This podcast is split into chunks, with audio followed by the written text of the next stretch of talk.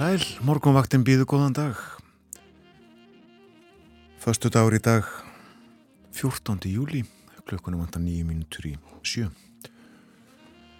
Það er nú ekkit sérstaklega sumalegt á landinu. Fremur svalt og bísna uh, kvast sumstaðar. Og horfurnar, já, hugum að þeim á eftir en Förum hringin sjöstega hitti í Reykjavík klukkan 6 allskíjað norðanátt nýju metrar en það segir ekki alla söguna því það uh, slæri 17 metra í mestu kviðum. Sjöstega hitti líka á Kvanneri 2 metrar þar 10 í mestu kviðu 8 gráður í stikkisólmi lítilsáta rigning vindurinn 5 metrar og upp í 11 10 steg að hitti á Patræksfyrði 6 metrar 8 gráður í Bólungavík 2 metrar þar en 18 metrar í mestu kviðu. 6 steg að hitti í Littlu Ávík 7 gráður á Holmavík 6 steg á Blönduósi 4 steg að hitti við Söðunarsvita 6 steg á Akureyri það ringdi klukkan 6 vindraðinn 7 metrar. 5 steg að hitti á Húsavík 6 gráður á Rauvarhöfn 5 steg á Skeltingstöðum og 7 á Eilstöðum skýja þar. Vindraði 4 metrar. 8 steg að hitti á Höfni Hortnafyrði 11 gráður á Kvískerjum 10 steg á Kirkjubæðaklaustri 8 steg að hitti á Stórhauða í Vestmanhegjum norðan 18 og 22 metrar í mestu kviðu. 7 gráður í Árnesi. Hitti við frostmark í sandbúðum á hálendinu. Norðvestan 10 þar. 1 gráða á hverjaföllum. 1 gráða líka á Káranhjúkum. 4 steg hitti í veiði vatnarhaunni. Já, svona var ástandi klukkan 6 en uh, horfurnar norðan og norðvestan 5 til 13 metrar í dag eh, sumstaðar kvassara 13 til 18 víðaregning en úrkomu lítið suðvestan til. Hiti 10 til 18 stig það verður hlýjast síðst en 5 til 10 stig norðan og austalands og eh, getur við þess þá líka uh, gular veður viðvarinir eru í gildi, tóku gildi í gerðmorgun og gilda til morguns. Og þetta á við um faksaflóa og breyðafjörð gulviðurinn í gildi á breyðafjörði til nýju í fyrramáli en til hátægis á morgun við faksaflóa og lýsingin norðan kvassviðri eða jafnvel stormur á stökustad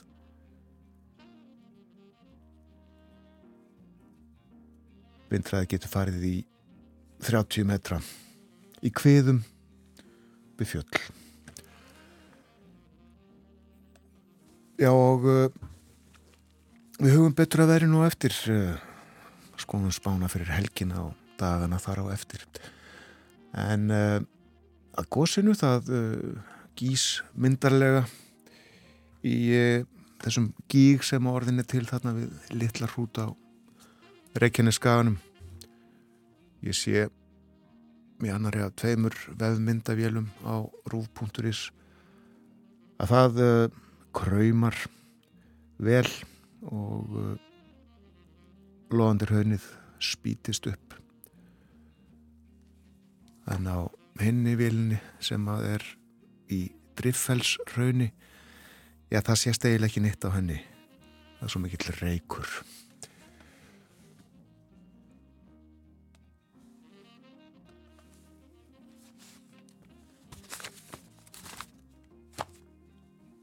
Ímislegt á dagskrá morgumvaktarinnar í dag, við ætlum að tala um Frakland, við ætlum líka að tala um fótbolta og uh, bókmentir. Förum betur yfir þetta allt saman, skýrum hér á eftir og uh, svo leikum við auðvitað tónlist, allt með hefðbundnum hætti á morgumvaktinni þennan morgunin. Og uh, fyrsta lag þáttarins í dag er Guð gaf mér eira.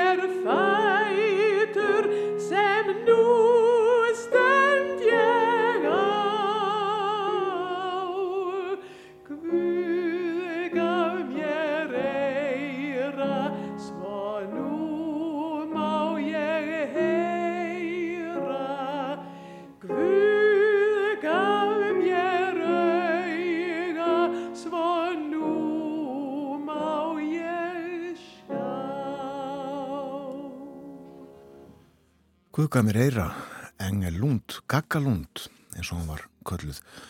Hún fættist á þessum degi 14. júli árið 1900. Hún var dönsk-íslensk söngkona, segir um hana í færslu á Wikipedia og var þekkt sem þjóðlega söngkona víða um heim. Og hún var einnig þekktur tónlistakennari í Reykjavík eftir 1960. Hún var af dönskum ættum en fættist á Íslandi og ólst hér upp til 11 ára aldus. Foreldrar hennar voru Mikael Lass Lún livsali í Reykjavíkur apoteki og kona hans Emilí Marí Magdalena Hansen. Engel Lund laug studentsprófi í Kaupanahöfn 1919 og uh, lagði svo stund á söngnám í Kaupanahöfn, París og Þýskalandi. Og frá 1933 var hún á nær stanslausum tónleikaferðalögum en hún setti stað í London í síðar í heimstriöldinni og starfaði lengi þar. Hún var þekkt sem þjóðlagasönguna viða um heim og hafði það fyrir sið að ljúka öllum tónleikum á íslensku þjóðlægi og oftast var lægið Littlu börnin leika sér fyrir valinu.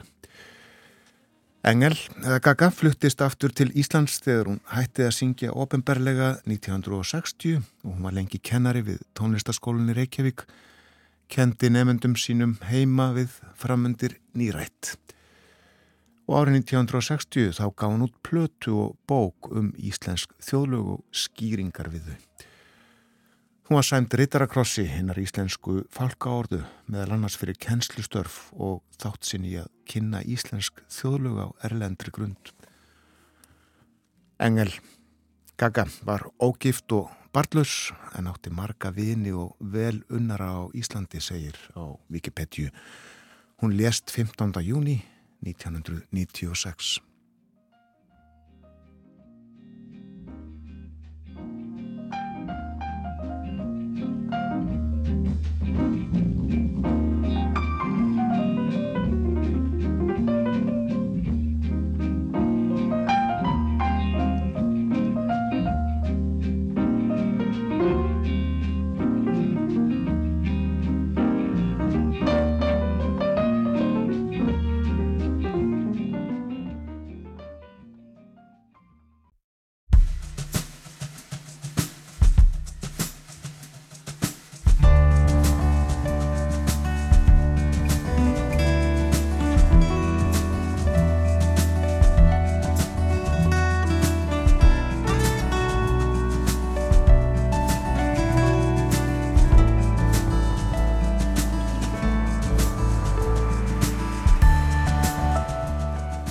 dag, morgunvaktin helsar fastu daginn 14. júli.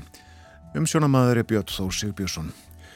Þrend er til umfjöllunar í þættinum í dag, Frakland, fótbolti og bækur. Byrjum á Fraklandi, þjóðháttíðadagur Frakka er í dag, Bastiludagurinn. Og af því tilefni fjöllum við um Frakka og Frakland og draugum þrend engum út. Stöðu Fraklands í samfélagi þjóðana sambúð ólíkra þjóðfélagshópa í Fraklandi og franska menningu. Torfi Túlinius profesor verður hér klukkan halv átta. Nú heimsmeistramót kvenna í fótbolta hefst í næstu viku, leikiður í Ástralíu og Nýjasjálandi.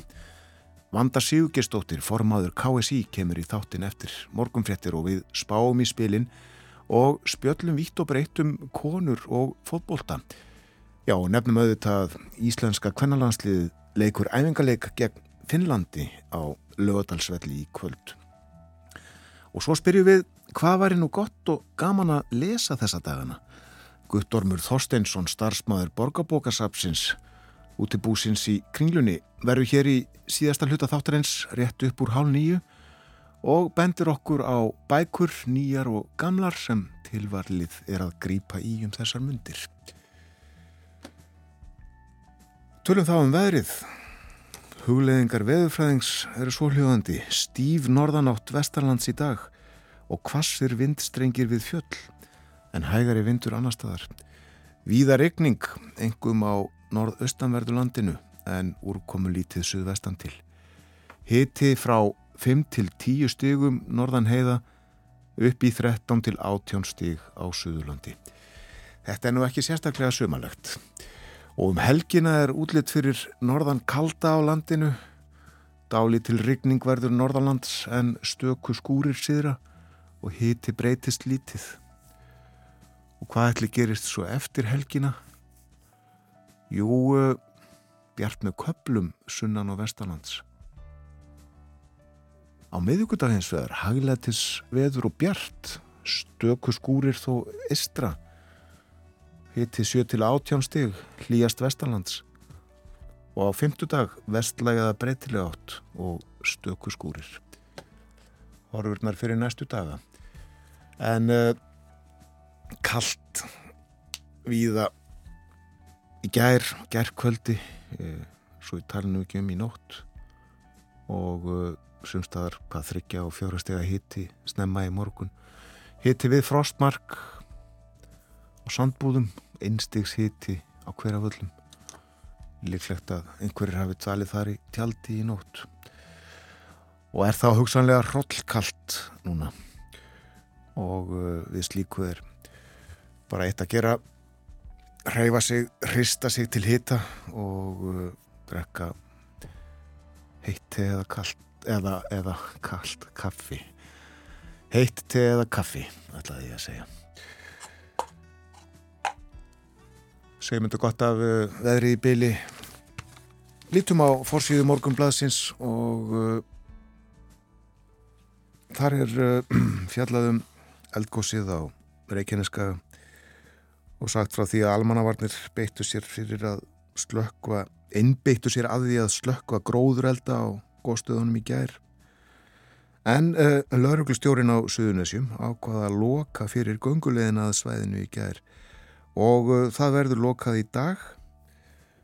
Og ég held að ákvörðinu framaldi verið tekinn já setna í dag eða á morgun. Og uh, vísindamenn nýttu daginn til að fjölga mælitækjum við svæðið. Ástafan fyrir lokun gönguleðurinnir er að tryggja öryggi ferðamanna og viðbráðsaðila. Mikil mengun hefur verið á svæðinu, ekki sístögna gróðurelda Og já, hér kemur þetta fram. Lokunin verður endur skoðuð eftir fund viðbraðs aðila á lögatarsmorgun í fyrramálið sem sé.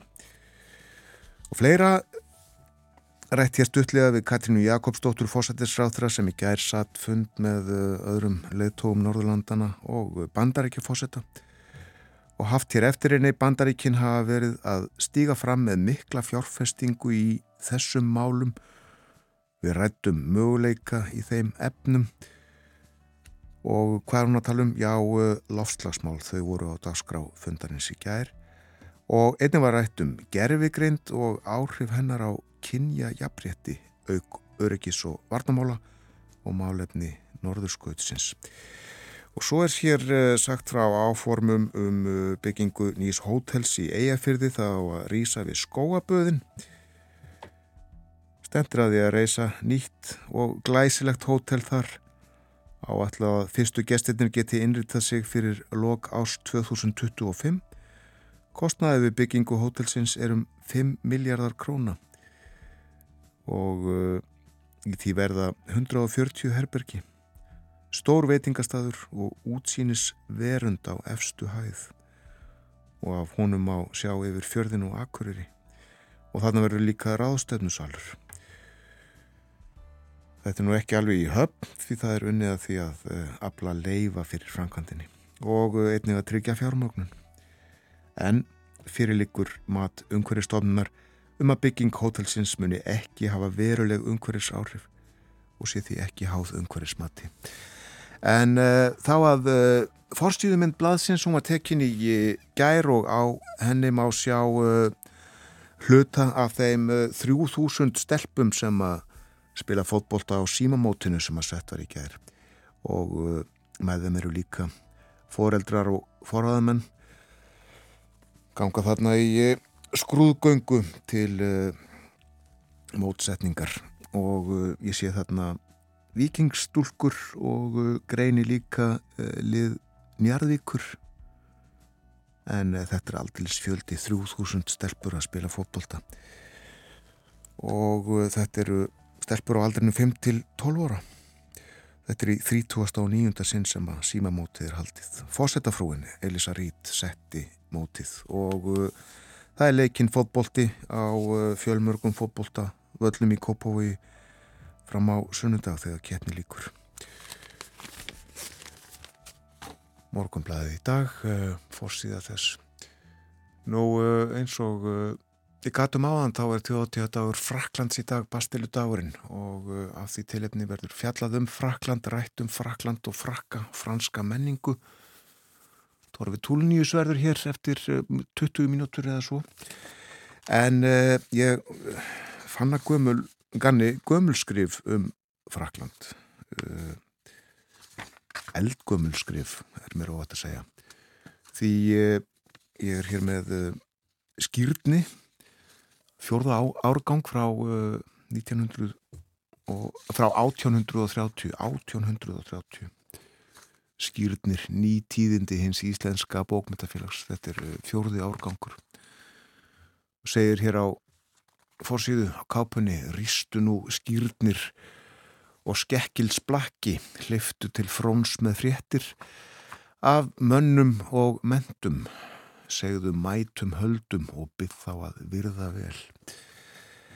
En já, þá að fjallað um Frakland í þessu hefti og uh, voru sagðar fjettir en uh, fyrst uh, var svolítill ingangur með skýringum á stjórnafarinu og sagði í Fraklandi er takmörkuð konungstjórn því að hennu Æðsta valdi er skipt á milli landsfólksins og konungs. En fólkið velur sér fulltrúa og sapnast þið saman í höfuborkinni árlega. Hafa þeir vald til að setja niður og minga ríkisins útgjöld þegar þeim þykja þau ónöðsynleg og of stór og líka til að gefa laga frumvörpum gildi eða ónýta þau og svo frammiðis. Fulltrúa samsætið það eh, má útleggja á eh, íslenska tungu sem fulltrúa málstofur og þar gerist allt með atkvaðafjölda. Konungurinn velur sér sjálfur stjórnaráð, ministera, sér til aðstóðar og ráðuneytis í landstjórninni. Getur að verið konungi meðmælt eða fólkinu eða farið bilbeggja. Skilmálar þeir eða lög sem skipta valdinu með líðnum og konunginum og ákveða þeirra innbyrðis rétt og skildur kallast Constitution á margar tungur og hafa Íslandingar kallað það stjórnarlög en skjál það sem þarum er gert kallast tjarti á Fraklandi og Englandi og því það skrá og gæt, gætum við kallað það stjórnarskrá til aðgreiningar. Því að í henni er einnig tiltekið á hvern hátt landstjórnin skuli framkvæmast. Það er að skilja hún ákvarðar stjórnar formið sem einnig kallast Constitution. Í Frankaríki skiptist landsfólkið í tvo flokka eins og vantir að vera. Þar sem konungstjórnin er takmörkuð, sögumir halda með konungi og vilja draga sem mest völd til hans en sögumir unna fólkstjórn leitast við að auka veldi fólksins. Hinn síðan nefndi flokkurinn er miklu fjölnamennari en í hinnum er mestur hluti aðalsins. Og enn er hinn þriði flokkur í Frankaríki og er það hinn pápíski kennilýður og gleymir hann eigi að raka eldað sinni köku. Hann uh, dregur þess flokksins taum í kvortskipti sem hann hyggur sér hliðhollari en það er nú konungsflokkurinn og spara klerkarnir ekki að halda honum fram. Og uh, svo er það uh, hér frétt, nýjasta fréttin þá frá uh, Fraklandi en uh, þannig er að hinnu viljelíska stjórnaráði hafi þá verið vikið frá völdum og annað komið í þess stað er var vinsalara hjá alþýðu. En það helst ekki lengi, það komst í nokkurn óþokka hjá öllum en þó mest hjá kennilínum og konungi og þeim sem hans drætti fyldu. Mælt er að konungi hafi mislíka það mest að það vildi gera nokkar umbreytingar við herin, engum við lífvaktina. Líka þótti mönnum það vilja spara sumt meira en skildi. Fann stjórnar á þetta eigi fyrri en konungur sviftið af völdum. það var 8. ágúst og setti annað í staðin af sínum bestu vinum, últra-royalistum. Og sumi segja að hertogin Wellington, efsti stjórnarherra Englakonungs, hafi komið þessu til leiðar því að franska stjórnaráðið leitt öðrum augum en hann á frelsistrið Grekja og stríðið millir rúsa og Tyrkja en honum hafið þótt miklu skipta að koma Fraklandi á sitt mál hvað sem í kynni að skerast. Egi vita menn þetta með vissu en vísti það að maður sá er lengi hafi verið sendi herra Frakkakonús við hyrð Englakonús varð efsti stjórnar herra Frakkakonús í sumar en það var þurstinn af Pólignak og er mælt að hann sé aldavinur Wellingtons menn þykjast og hafa tekið eftir að þau nýja stjórnaráð hafi snúið kápunni eftir enskum síðan það kom og unir þjóðin því illa.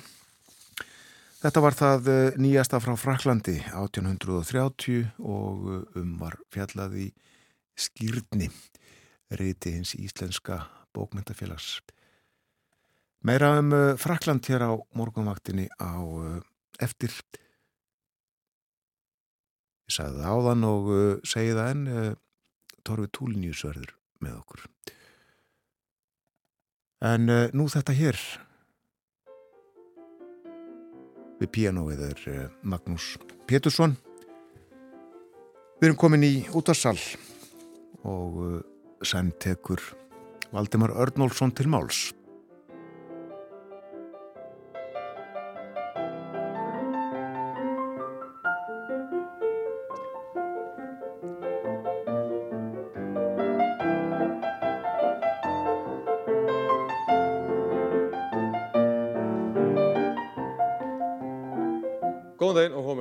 Og sæl og drífi ykkur átt fram úr því að nú er meiningin að byrja fullum krafti með morguleikuna og eh, ég er að ráðuleika öllum sem, sem ætla nú að vera með að byrja strax. Hík ekki við það.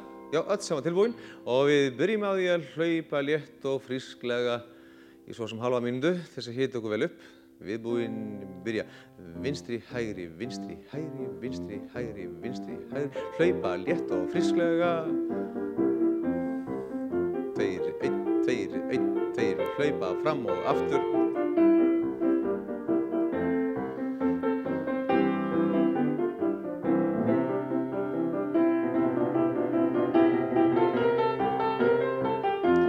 Hlaupi í ringi, hlaupi í ringi, alveg og lifta njánum með og fjæðraði vel í öklum.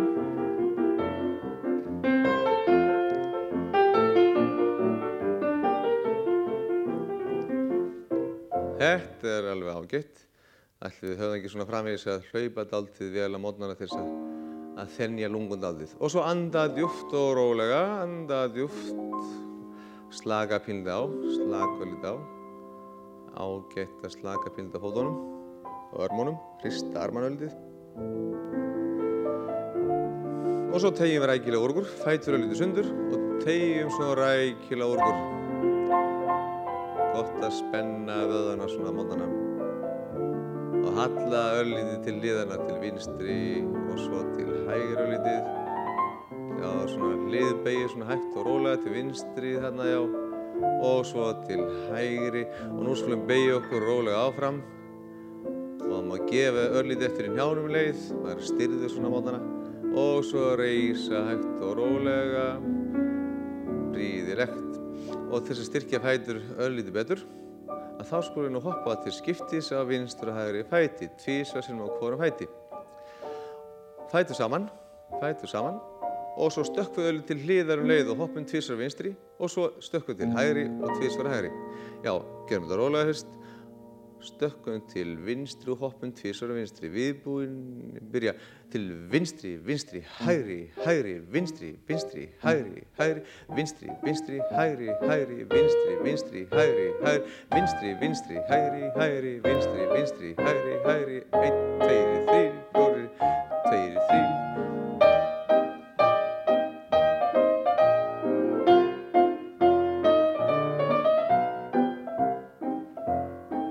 Ágætt, þetta er ljómandi bæði fyrir fætur og fyrir lungun og hjertað.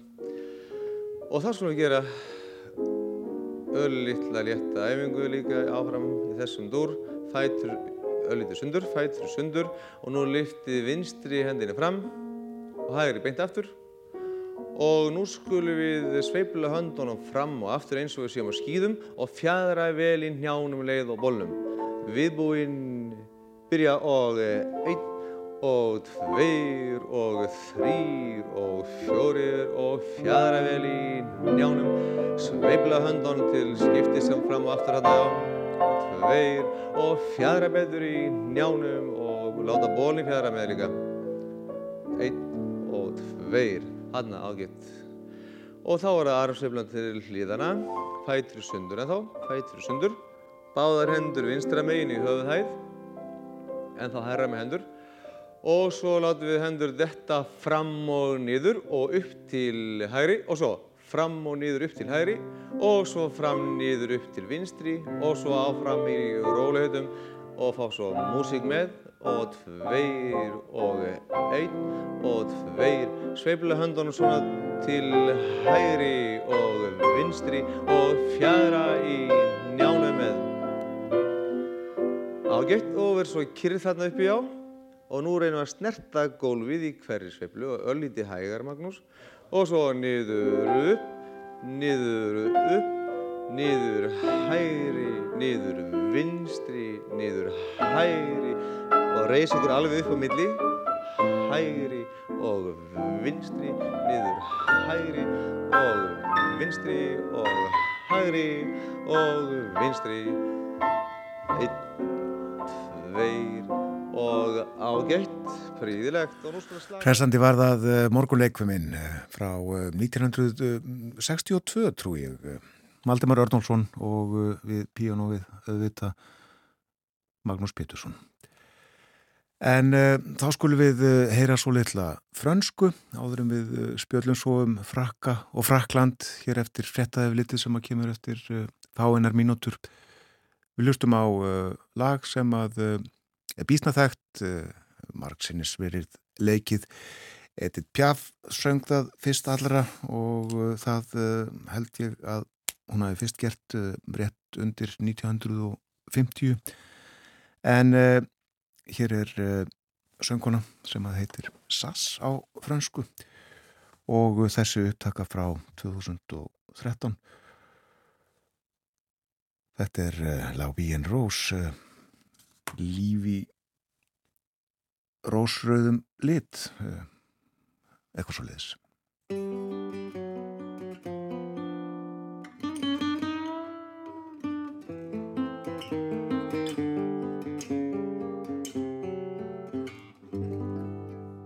Des yeux qui font baisser les miens, un rire qui se perd sur sa bouche. Voilà le portrait sans retouche de l'homme auquel j'appartiens. Quand il me prend dans ses bras, qu'il me parle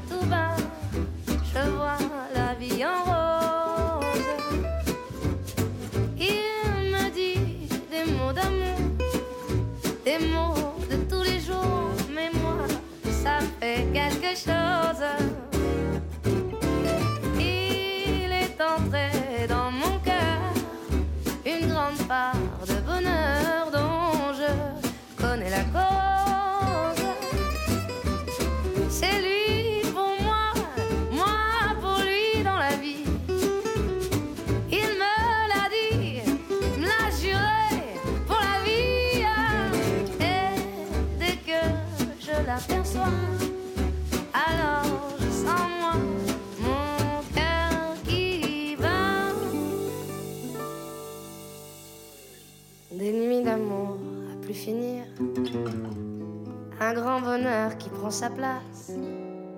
Des ennuis, des chagrins s'effacent. Heureux, heureux à en mourir. Quand il me prend dans ses bras, il me parle tout bas. Je vois la vie en rose.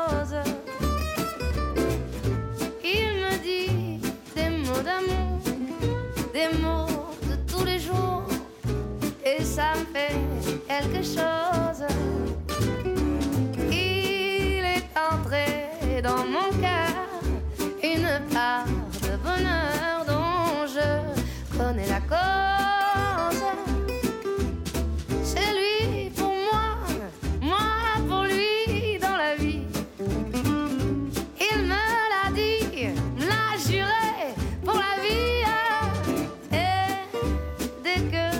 t'aperçois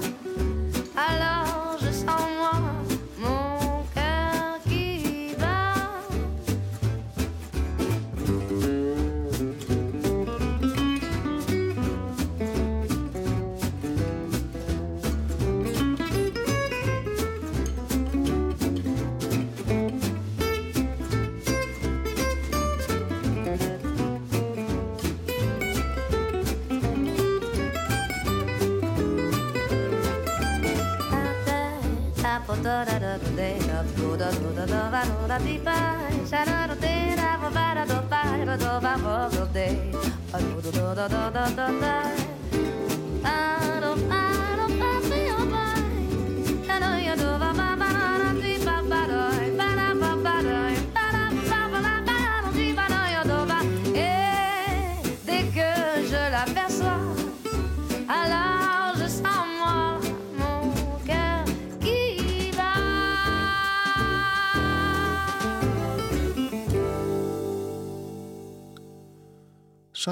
heitir hún þessi uh, Labíin Rós. Það líður að fréttaði við litið hjá okkur kemur uh, á slæginu halv åtta eftir uh, tvær og halva mínútu.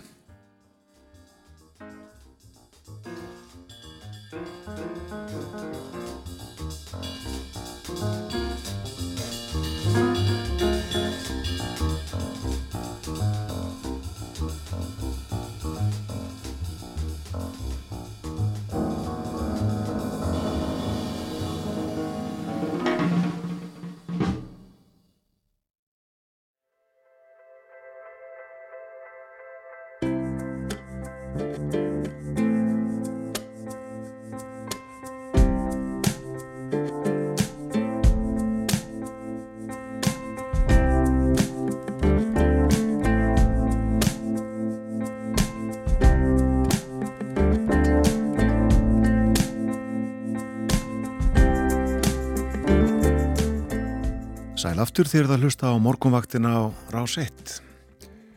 Það er förstu dagur í dag, komin 14. júli, klukkan réttliðilega hálf átta. Já, helgi framöndan. En veðurhorfurnar, þær eru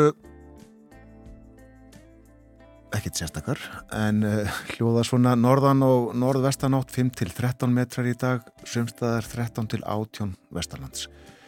Víða regning, en úrkomu lítið suðvestan til Hitti 10 til 18 stig, hlýjast síðst, en 5 til 10 stig norðan og austalands. Og uh, á morgun, lögadag, uh, norðan 5 til 13, dáli til væta norðalands, stöku skúrir síðra, hitti 7 til 17 stig, hlýjast á Suðurlandi. Og uh, fyrst við erum farin að tala um veðrið í alveg nánustu framtíð, þá höldum við áfram, spáum fyrir sunnudag, mánudag og þriðudag, horfurnar þar að segja norðan 5 til 10 bjart með köplum sunnan og vestanlands dáli til væta öðru hverju norðaustan til á landinu og hiti breytist lítið.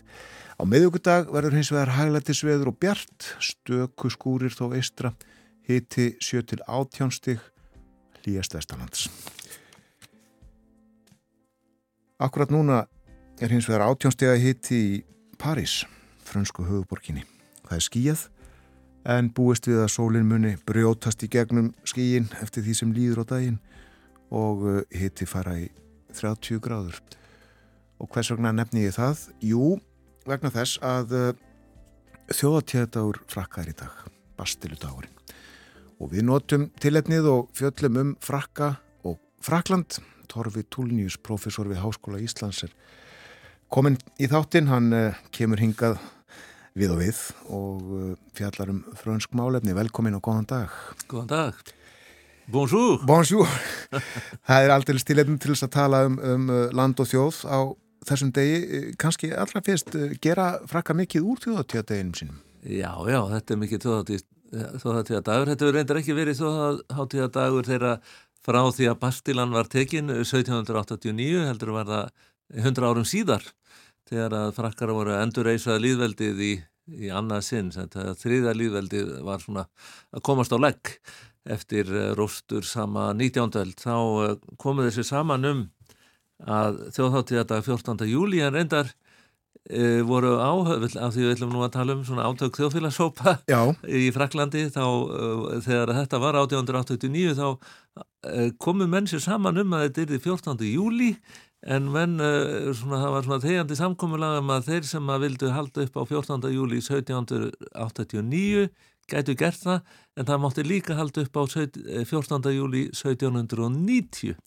vegna þess að þá ársammæli Eh, Bastiludagsins uppreysnarinnar þegar Bastilan var tekinn og hún var svona eh, Bastilan var svona fangelsi að, og virki sem var þarna það sem núna er Bastilutorkið í París og það var tekið af uh, Parísar múgnum sem var að mót og þetta var svona takk fyrir svona laurugluvald uh, konungsríkisins.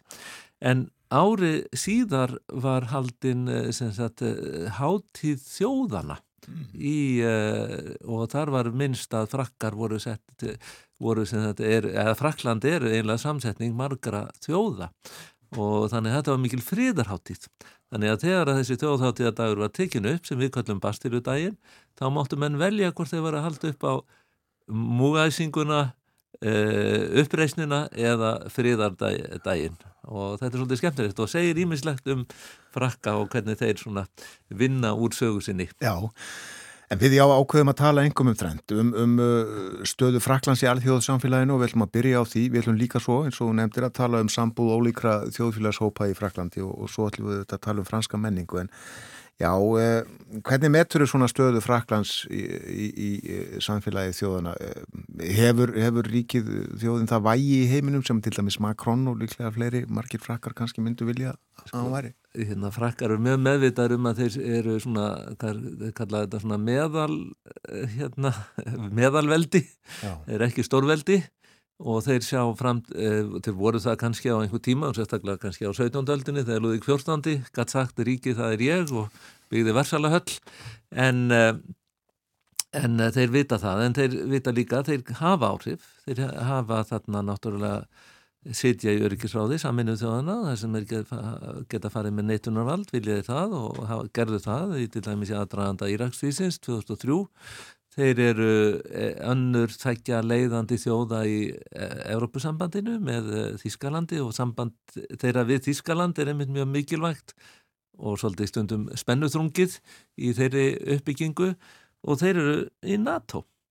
Og sem NATO þjóð hafa þeir verið stundum að reykja sína sjálfstæðu stefnu, verið svona fjarlægari bandarækjamönnum en brettar og þjóðverðar til dæmis en uh, undir Macron þá er svona kannski að skýrast betur og ekki síst núna eftir að eftir uh, árás rúsa á, á Úkrænu að hafa þeir verið svona að, að já, nálgast mun meira megin strömin í NATO og skilja betur en kannski uh, til skamstíma hvað mikilvægi bandaríkjana í þessu varnarsamstarfi eh, og að skildja betur einlitt afstöðu þeirra þjóðar sem að búa í meira návíi við rúsa að mig hvað NATO og eh, hérna, tryggðin við bandaríkinn skiptir þessa þjóðir miklu máli. Og þetta er verið viðhórsbreyting hjá eh, franskri elitunni og maður finnur hana núna til dæmis á þessum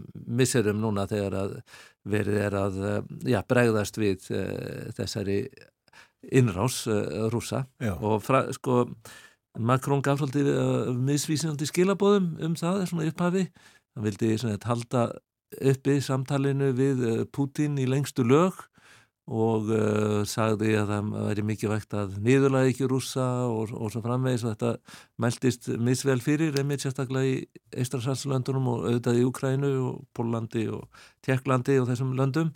En um, já, hann hefur hins vegar eh, bara verið mjög diggur stuðningsmaður Úkrænu og var einmitt núna bara lýsið yfir á NATO-fundinum núna í Vilnius að frakkar er að senda þarna flugskeiti til dæmis og uh, uh, styðja uh, varnar varnar baráttu úkrænumanna þó náttúrulega ekki nándar ekki nærið eins miklu mæli og bandaríkjaman sem eru auðvitað helstu stuðningsmenn úkrænu eh, Sko Merkel var á sinni tíð svona aðaleitóin í Evrópu, Evrópusambandinu og mm -hmm. Evrópusamstarfi öllu og já, þessari álfu Svo hætti hún í pólitík og mm -hmm. margir spáði því að, að Makrón myndi svona reyna að taka þann sess. Finnst þér honum hafa tekist það?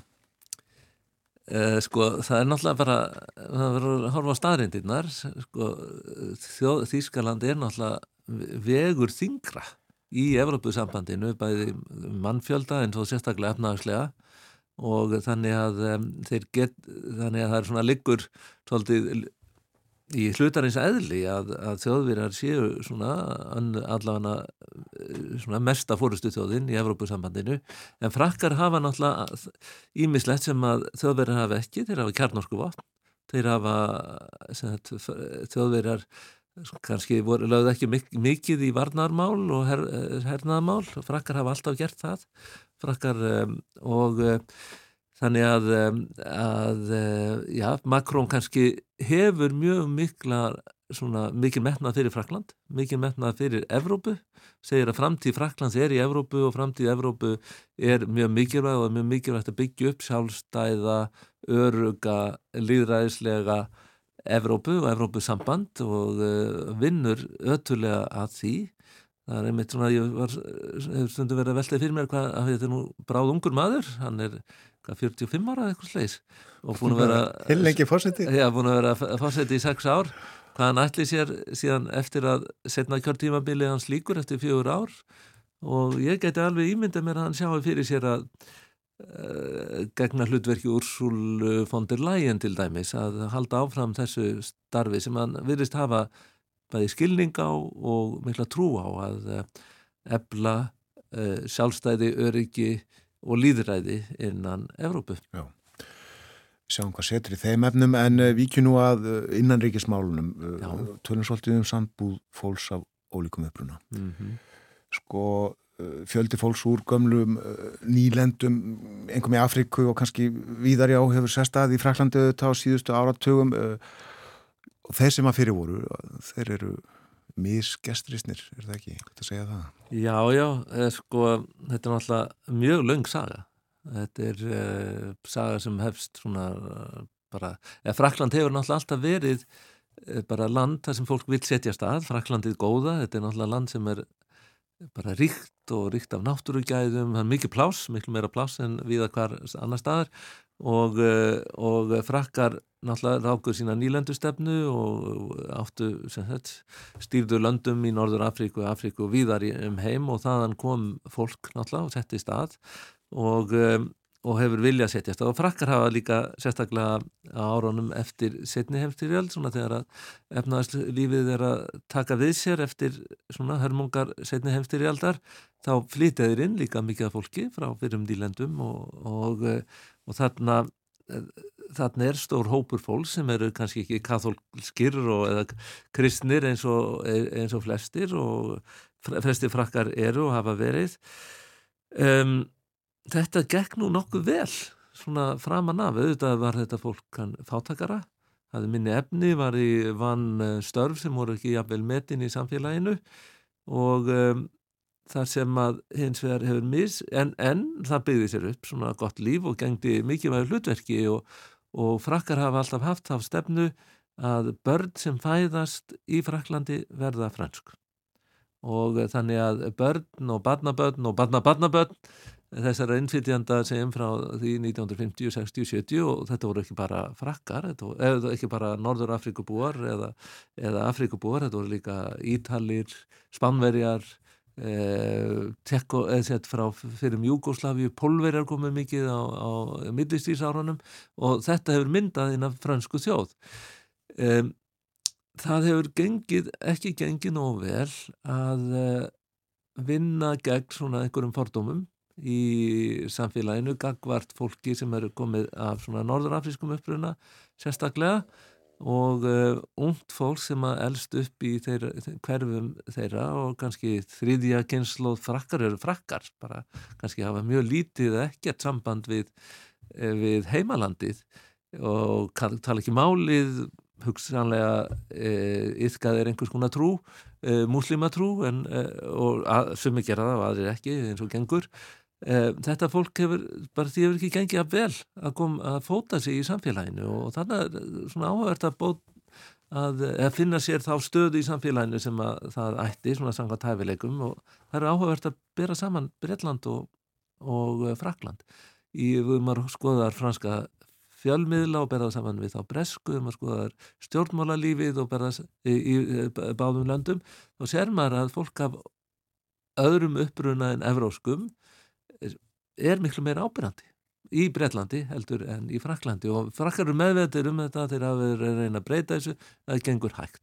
Og þess vegna er mikil tilfinning fyrir því meðal þessu unga fólks að það býr við ákveðið óreitlæti og uh, svo er það en svo er náttúrulega margt gert til að vinna gegn því og uh, margt verið gert og margt verið gert fyrir þessi hverfi þar sem þetta fólk hefur verið að um, svona sapnast fyrir en, en ekki nóg. Og svo eru hinn pólitík, hvernig pólitíkinn tekur á þessu. Og það er svona misjamt hvernig menn vilja taka á þessum málum. Vinstri menn hafa viljað fara svona þá leið að hjálpa fólkinu að aðlaða samfélaginu vera sína skilning eh, svo Span sem var fórsetið þaðra til 2002 hann byggði upp svona algjörlega nýja nálgun gagvar þessum hverfum hann, hann kallaði þetta hérna, nándarlauruglu ah. eh, police de proximity og það sem að lauruglan var í hverfunum og var svona hálfpartin í hlutverki félagsráðgjafa og svona vann sér inn tröst hjá þessu fólki þegar Sarkozy tekur við 2007 þá var hann búin að gera sig digran sem innanríkir á þeirra og einmitt eh, hafði stór orð gegn eh, hérna, uppþóttunum sem voru 2005 sem allir hugsa aftur til núna þegar þessi nýlu uppþótt voru. Hann, hann tekur upp allt aðra miklu harðar í stefnu og það er út af pólitíkinni. Það er til að, að þegar að hefbundu hægri flokkanir hafi verið að reyna svona herða eh, vera harðar í hotna taka til að halda fylginu hjá sér frekar en að missa það til hægri öfgaflokksins sem að Lupen fjölskyldan hefur stýrt þarna í áratugum saman og, og smám saman hefur vaksið fiskur um sig í gegnum áratugina. Já, akkurat. Já, það er pólitíkinn. Já, pólitíkinn. Og hún hefur fylgi, kannski tatt sérstaklega góð áhrif á þetta mál, sko, pólitíkinn. Þetta verður að pólitísku bitbeini og þetta er magnað upp og það er svona á, á, áhugavert að skoða tölur. Auðvitaði voru þessu uppsótt hræðileg núna um daginn. Þetta var, var, þetta var uh, sett, tilefni var að sjálfsögðu eitthvað óréttlæti og ömuleg aftaka sem var á þessum unga dreng sem var að keira þennan bíl sem hann hafði kannski stólið og, og neða þetta var bílarlegu bíl en hann, hann hafði verið í svona spennu þrungnu eh, hérna eldingarleik við laurugluna og laurugluna miðar á hann bissu og svo eftir að koma í ljós hvort að hann var drepin af ásetningi eða ekki, rannsóðin er ekki eh, komin. En uppsótin voru hræðilega og eh, óafsakandi en bytnuði náttúrulega mest á fólkinu sem býr í þessum hverfum og uh, það er áhugavert að skoða tölur í þessum hverfum þar sem þessi róstur voru mest og þann sem að uh, óerðarsækjirnir komu uh, búa 6 miljónir manna Lauruglan segir að þeir sem tóku þátt í óerðunum voru millir 6 og 10.000 manns. Já, þannig að þú sér þetta er innan við 1% þetta er brota brot sko. Þetta er bara brota brot að, að, og þetta voru ungt fólk, krakkar mikið, allir 90% franski ríkisborgarar. Og um, þannig að um, að það má ekki gera mikið úr, úr þessu. Nei, ég ætla að segja að þetta ja. er ekki endilega til mars um ástandið í landinu, eða hvað? Nei, en auðvitað er þarna það er, þetta, er þessi staðrind að ef þú send, heitir Rassid Budgetara eða eitthvað leiðis og sendir inn atvinnumsókn og þá bara er, lík, er ekki eins líklegt að fá í starf eins og að þú heitir Jean Dupont sko.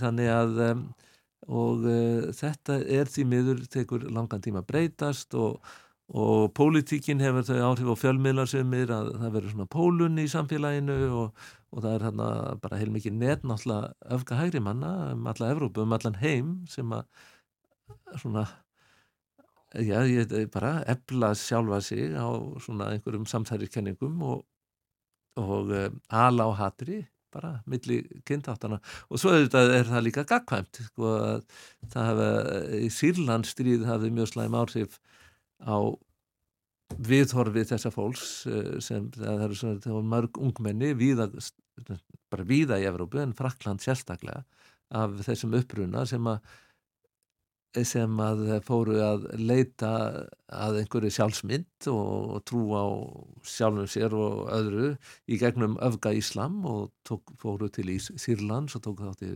baróttu Íslamska ríkisins og, og svo voru sumir af þeim sem skipulögðu mitt hriðiverki árásveitnar í París þannig að 2014 sem er náttúrulega líka ræðilegt og ömulegt og allt það. Þannig að þetta, þetta það er sambúð ólíkra þjóðfélagshópa af því að við erum að tala um það hún er eh, að þetta er svona kluti af erfileikunum þarna en það eru þetta aðri þjóðfélagshópar sem að eiga líka erfitt með að búa saman í Fraklandi þetta er 70 miljón eh, þjóð og allskynns vandamál og eh, allir mun eftir gullvestunga uppreysninni og það var allt annar þjóðfélagshópur sem að þar fór á götur úti stóðu umferð og stundum stóði í, í stríði við uh, laurugluna, það voru svona fólk uh, yfirleitt af frönskum, eða sett, svona rótgrónum frönskum uppruna, skulum við segja og um, sem að uh, býr svona utan stórborgarna og telur sér svona hafa farið varhluta af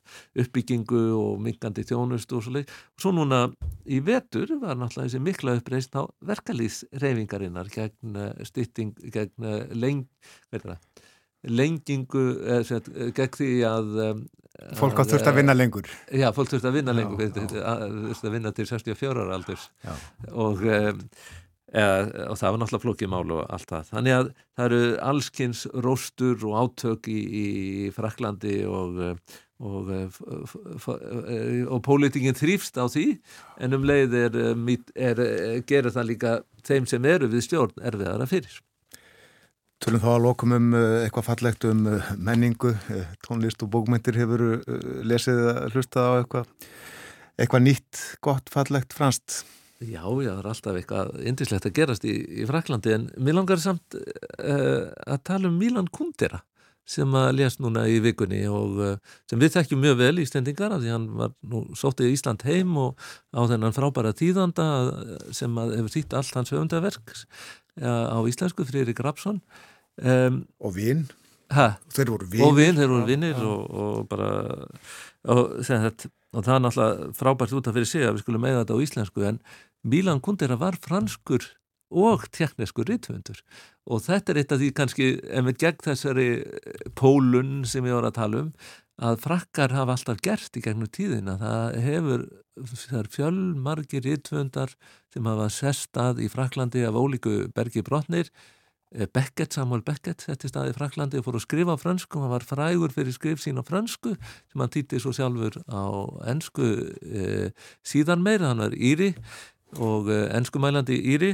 E, og Kundera sömuleiðis hann þarf að yfirgefa heimaland sitt sem þá hér Tjekkoslovakia út af politískum áfsóknum er tekið opnum örmum í Fraklandi og, og verður sett mjög mikilvægur höfundur í fransku þjóðlífi breytir að mörguleiti skilningi frakka á svona Evrópu og stöðu sérstaklega þessara þjóðar sem voru svona hluti af, af rúst, uh, sovjesku efnahagsfæði þarna þegar hann er að koma til, til Fraklands, hann er í kringum 1970 upp úr því og uh, á nýjöndu áratögnum sem er akkurat áratugurinn þar sem ég dvel í Fraklandi við nám, þar er hann í raun og veru svona bara aðalri töndurinn svona, og svona samviska einhvern veginn e, bæði Evrópu og samviska Evrópu innan Fraklands og hann hafði svona ómæld áhrif á e, umræðuna viðhorfin og svo auðvitað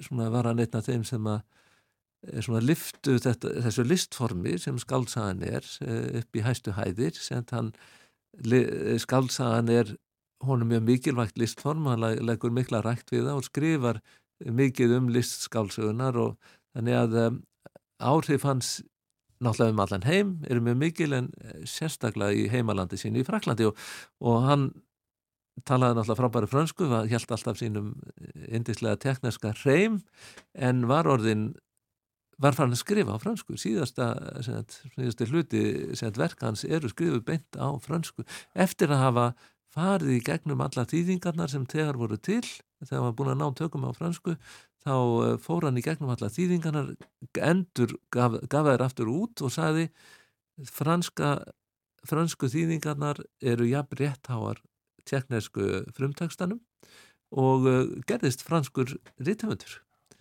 og uh, þannig að það er nú uh, sett franski fjölmiðlar eru uppbyllir af Milan Kundera núna Já, þessa dagana. Hans auðvitað minnst í, í Fraklandi hér og um heim allan. Já, Já. Við tölum setna bara um það nýjasta nýtt í fransku menningunni en þakkaði kellaði fyrir að koma í dag. Alltaf gafin að koma. Tala um Frakka og Frakland Torfi Túlinius Bastiludagurinn er í dag eh, þjóðatíðadagur frakka.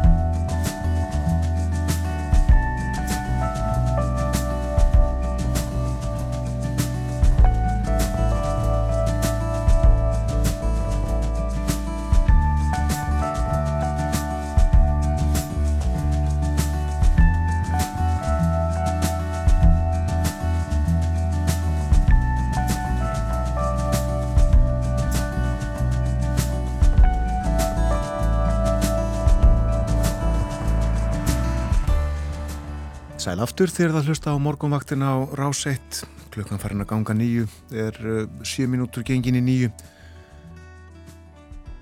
og það er förstu dagur rífið það upp uh, vinnu við kann senna á enda hjá uh, því já, ég held að mér sé óvægt að segja þá að fólki sem er að vinna.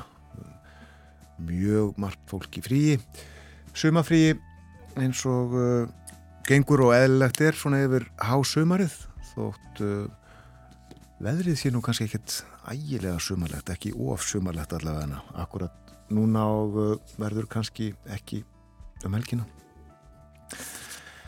En hvað er það uh, helgi á framöndan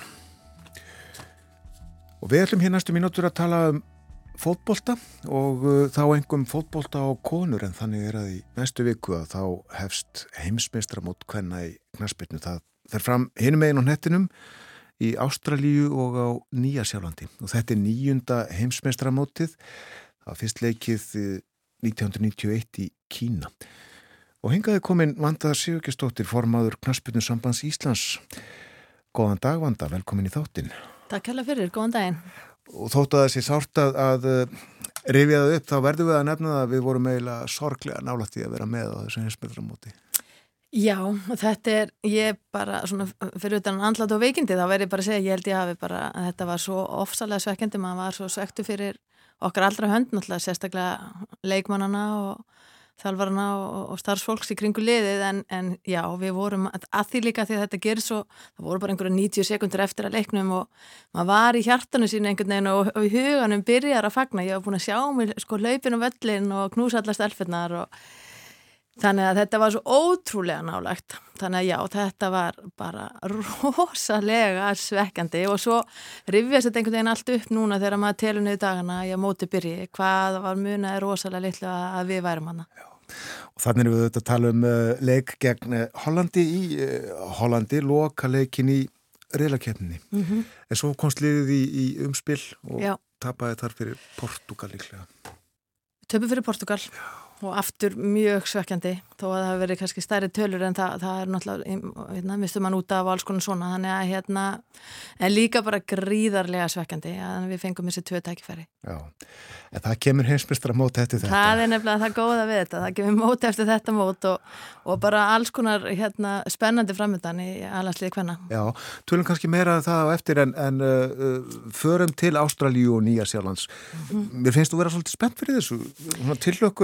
Já, ég er það sko. Já. og ég, mér finnst alltaf gaman þegar það er hérna, náttúrulega fylgst með öllum þessum mótum, þessum nýju, eða sérst áttamótum hinga til og, og hérna eina mínu bestu vinkonum fyrir Svíþjóð spilaðan og í fyrsta mótunum skora eitt flottast mark sem hefur verið skorað. Já, þannig að það hefur svona hérna, já þetta er eitthvað sem ég hef alltaf fylgst með og, og, og núna er þetta spennandi líka að því að ég held að, að við höfum kannski hérna út af þeim framgangi sem hefur verið í kvennafólktanum þá held ég að, að það sé svona fleiri sem að þekkja fleiri leikmenn. Ég held ég hef aldrei áður geta nefnt ég að marga leikmenn með nafni eins og ég get núna til dæmis fyrir þetta mót. Um, þannig að það er svona, svona margt spennandi. Það er líka fullt af svona metum sem að geta verið slegin, flott og skemmtileg met. Eins og? E, já, fyrst, það er einn leikmenn sem ég fylgst með gegnum tíðina sem heitir Kristín Sinclair, hún er færtug. Uh, hún er í Kanada, fyrirlið í Kanada og hún er, hérna, ég held að hún sé búin að spila langt yfir 300 landsleiki og ef þess að skorað 190 mörg með landsliðinu. Wow. sem er rosalegt og hún er náttúrulega með metið í dag kalla og hvenna en, en ef hún skorar á mótinu þá slæður hún, slæður hún þetta metið en frekar. Því að það er skemmtilegt. Uh, Marta hefur skorað flest mörg á einu, neðis samtals á heimsmestaramótum, ekki bara í landsleikum 17 mörg, bara kalla og hvenna ef hún skorar þá slæður hún sér degi með þar. Uh, þær tvær hafa spilað á og skora mörka á held ég fimm mótum. Þannig að það skora núna þá er það á sjötta mótinu. Bandarækina þegar vinna þá er það að vinna þrísvarir rauð sem engum, engum hefur tekist kallinni hvenna þannig að það er svona, mér finnst þetta skemmtilegt. Svo er náttúrulega áhörnda með nú þegar sérst það búið að selja yfir miljón miða sem að þýðir að þetta verður, nú þegar verður þetta stæsti svona einstakki viðburður í hvenna íþróttum í heiminum fyrir og síðar Um, þá var ég ekki að tala um ólipileika eða einhvers svona móta sem eru e, kannski fleiri greinar og kallar og konur eitthvað þannig en svona einstakki viðbörðurinn og það er einhver fleiri svona, þannig að ég veist þetta svolítið svona skemmtilegt að hérna að svona það, það er margt undir og verður gaman að fylgjast með þessu.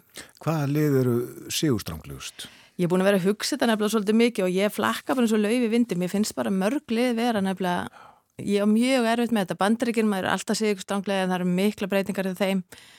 En það er, þú veist, þeir framlega náttúrulega bara nýjar, mér þú veist, England náttúrulega búin að vera e, standað sér frábæla hér í Evrópu en á samaskapi líka mikla breytingar þegar að vera að missa leikmenn. Um, ég er rosa hrifin af spánverunum þjóðverðarnir, maður veit aldrei hérna, þú veist, svíjarnir hafa verið að komast langt. Mér er svolítið leðilegt að það er langt síðan að Norðurlöndin komist í svona í úsletilegi, held að það hefði verið 2003 svíþjóð Þannig að ég vona að Norðurlöndin hérna gerir gott mót en, en það, það er alveg, við vitum alveg að það er erfitt. Ég hef líka hiss að frakkarnir skulle aldrei hafa einhvern veginn komist úsleitaleg með þær eru, eru sterkar en hérna þannig að ég á bara ef ég ætti að spá ég, hérna, veist, ég, hérna, ég held að Kanadi sé ólipimeistarar og veist, þetta er eiginlega bara svona hver sem þú lítur og nú er ég ekki eins og sko búin að fara og skoða liðin hérna í öðrum heimsálum um í rauninni sko, ég menna Ástralja nú með eitt besta fram mér í heimi og... þannig að ég bara, ég get ég bara tristi mér ekki til að hérna, nei, nei, spá sem er skemmtilegt. það er mjög skemmtilegt og er gaman að heyra þessar þjóði nefndar allavega. Árangur bandaríkjana á hinsmestaramótunni er ótrúlegur. Liðið fjórusunum orðið hinsmestari og uh, einu sinni hafnaði í öðru sæti mm og þrísvar í þrýða sæti. Það er alltaf Já. farið heim með velun. Já, þetta er alveg stórkurslegt og þetta, þetta gerist, það sem gerist er að 1970 eitthvað, eitthvað er, er, er lögum breytti bandarækjum sem heitir Title eitthvað 11 eða 9, ég man ekki alveg þar sem að þeim háskólanum er bannað að, að mismuna e, setja meiri pening og allt þetta kalla meginn en hvenna og þetta er svona hérna, þannig að þessar stelpur í fyrsta liðinu þessar, þessar svona afsakið ég sletti en þessar svona legend, þessar, þessar hetjur, fyrstu hetjunar Mia Hamm, Michael Akers, allar þessar. Hérna, April Hendricks ég, hérna, Karin Jennings ég man en það eftir þeim sko, ég get bara lokað augunum og séð þær, þetta er ótrúlega flott að þær koma allar upp í, í gegnum háskólavoltan og hérna og voru svo bara, þú veist, þær, þær hérna, voru bara með landsliðun alveg rosalega mikið því það var ekkert, þeir hérna, gerðu svona nokkra tilhörunum með að koma á móti í bandaríkjónum en það er hérna, en nú er náttúrulega bara flott lið og bara mjög flott móti í gangi en það er svona komu upp í gegnum þennan mjög svo sterka háskólabolta sem að, sem að svona allavega svona eins og ég sé þetta, mín sögurskoðun er allavega þannig að hún kemur út af þessum breytingum af þessum lögum og, og, og, og hérna og það er einhvern veginn myndast þe- þessi hefði í bandaríkjánum Já. ég menn þegar þær vinna hérna 99 minni mig í hérna Rose Bowl í hérna þá voru bara 90.000 áhrendur þegar Cindy Pallo fór úr treyjunu sinni þegar hún skora á vitinu og, hérna, og bjóð til heimsfrækt atvik e, þá, já, þá voru bara þú veist, rosalega margir þannig að þetta hefur, þetta er bara svolítið svona kannski svo breðablik á Íslandi, það myndar svona hefðir Já, akkurat. Merkilegt og mikilvægt fyrirbæri annars þessi, þessi sko íþróttatenging í háskólanum.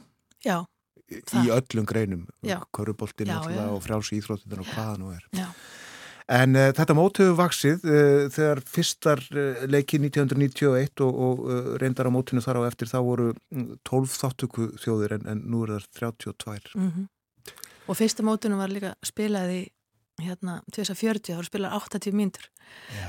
og hún sagði þeim eitt fyrirliði bandarækjana svona í grínu alveru og hún var svona að sagði að, þeir höfðu ágræði að ekkastökarnir okkar myndu dett út eða myndu spila 90 mínútur sagði hún, April Hendricks og hérna það var hækka strax á, á heimsmyndsmótur 95, það var að koma upp í 90 mínútur. En það er alls konar sem betur fer sem hefur breyst. Já, en hvernig metur þá uh, stöðu hvernig fótbollan svona almennt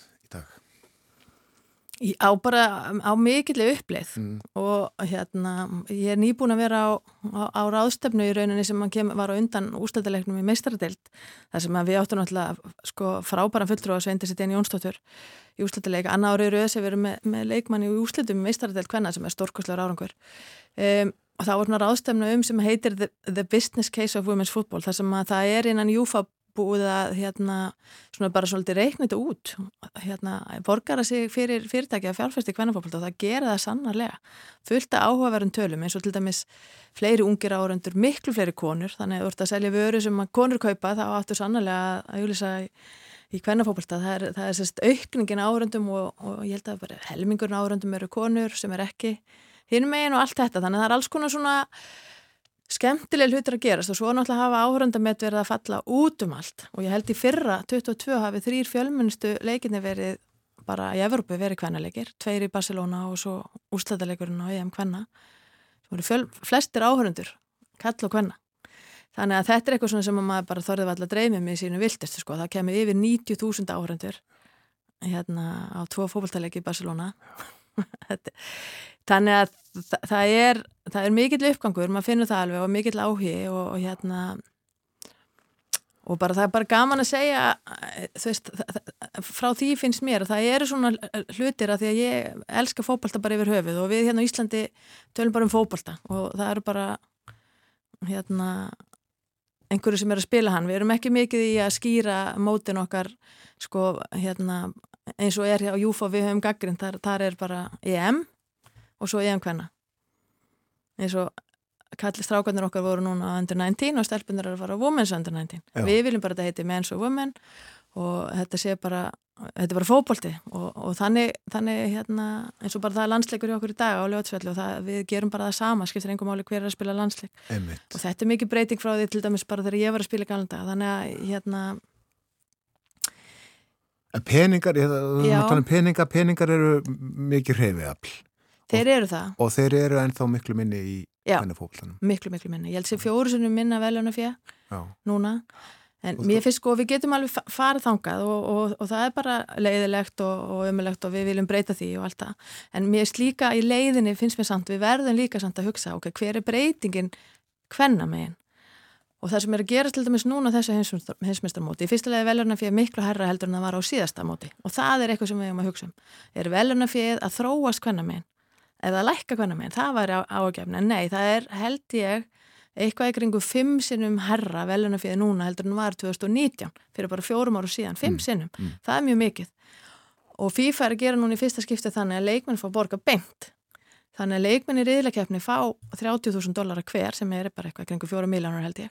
Og ef það fyrir úslitaleginu vinnur þá er það 270.000 dólarar Já, þetta rennur ekki í samböndi náttúrulega. Nei, það er líka, það komur líka peninga þangað Er líka peninga þangað. Mhm. um, pff, ég man ekki eins og hvað mikið en alveg 150 miljónur held ég eða eitthvað uh, í riðlikefninni þannig að, en núna er sérst, FIFA í fyrsta skipti þetta, þeir eru að borga leikmennunum beint, það er aldrei verið gert áður. Og, og plúsa að peningarnir hafa hækkað. Þannig að mér finnst líka um leið og við segjum jú, vissulega fjórusunum minni heldur um kallanir og við verum að breyta því, já, ég er bara algjörlega ég er algjörlega þar, en það er samt við erum á leiðinu já. og mér finnst við um líka fagna þeim skrefum sem að, við erum að taka í þessa átt. Það er grein hjá ykkur á fórsíðu, uh, fórsíðu ksi.is, uh, konur í fókbaltaði fyrirsögnin og, Mhm. og hún hefst við þurfum fleiri konur í fókbalta.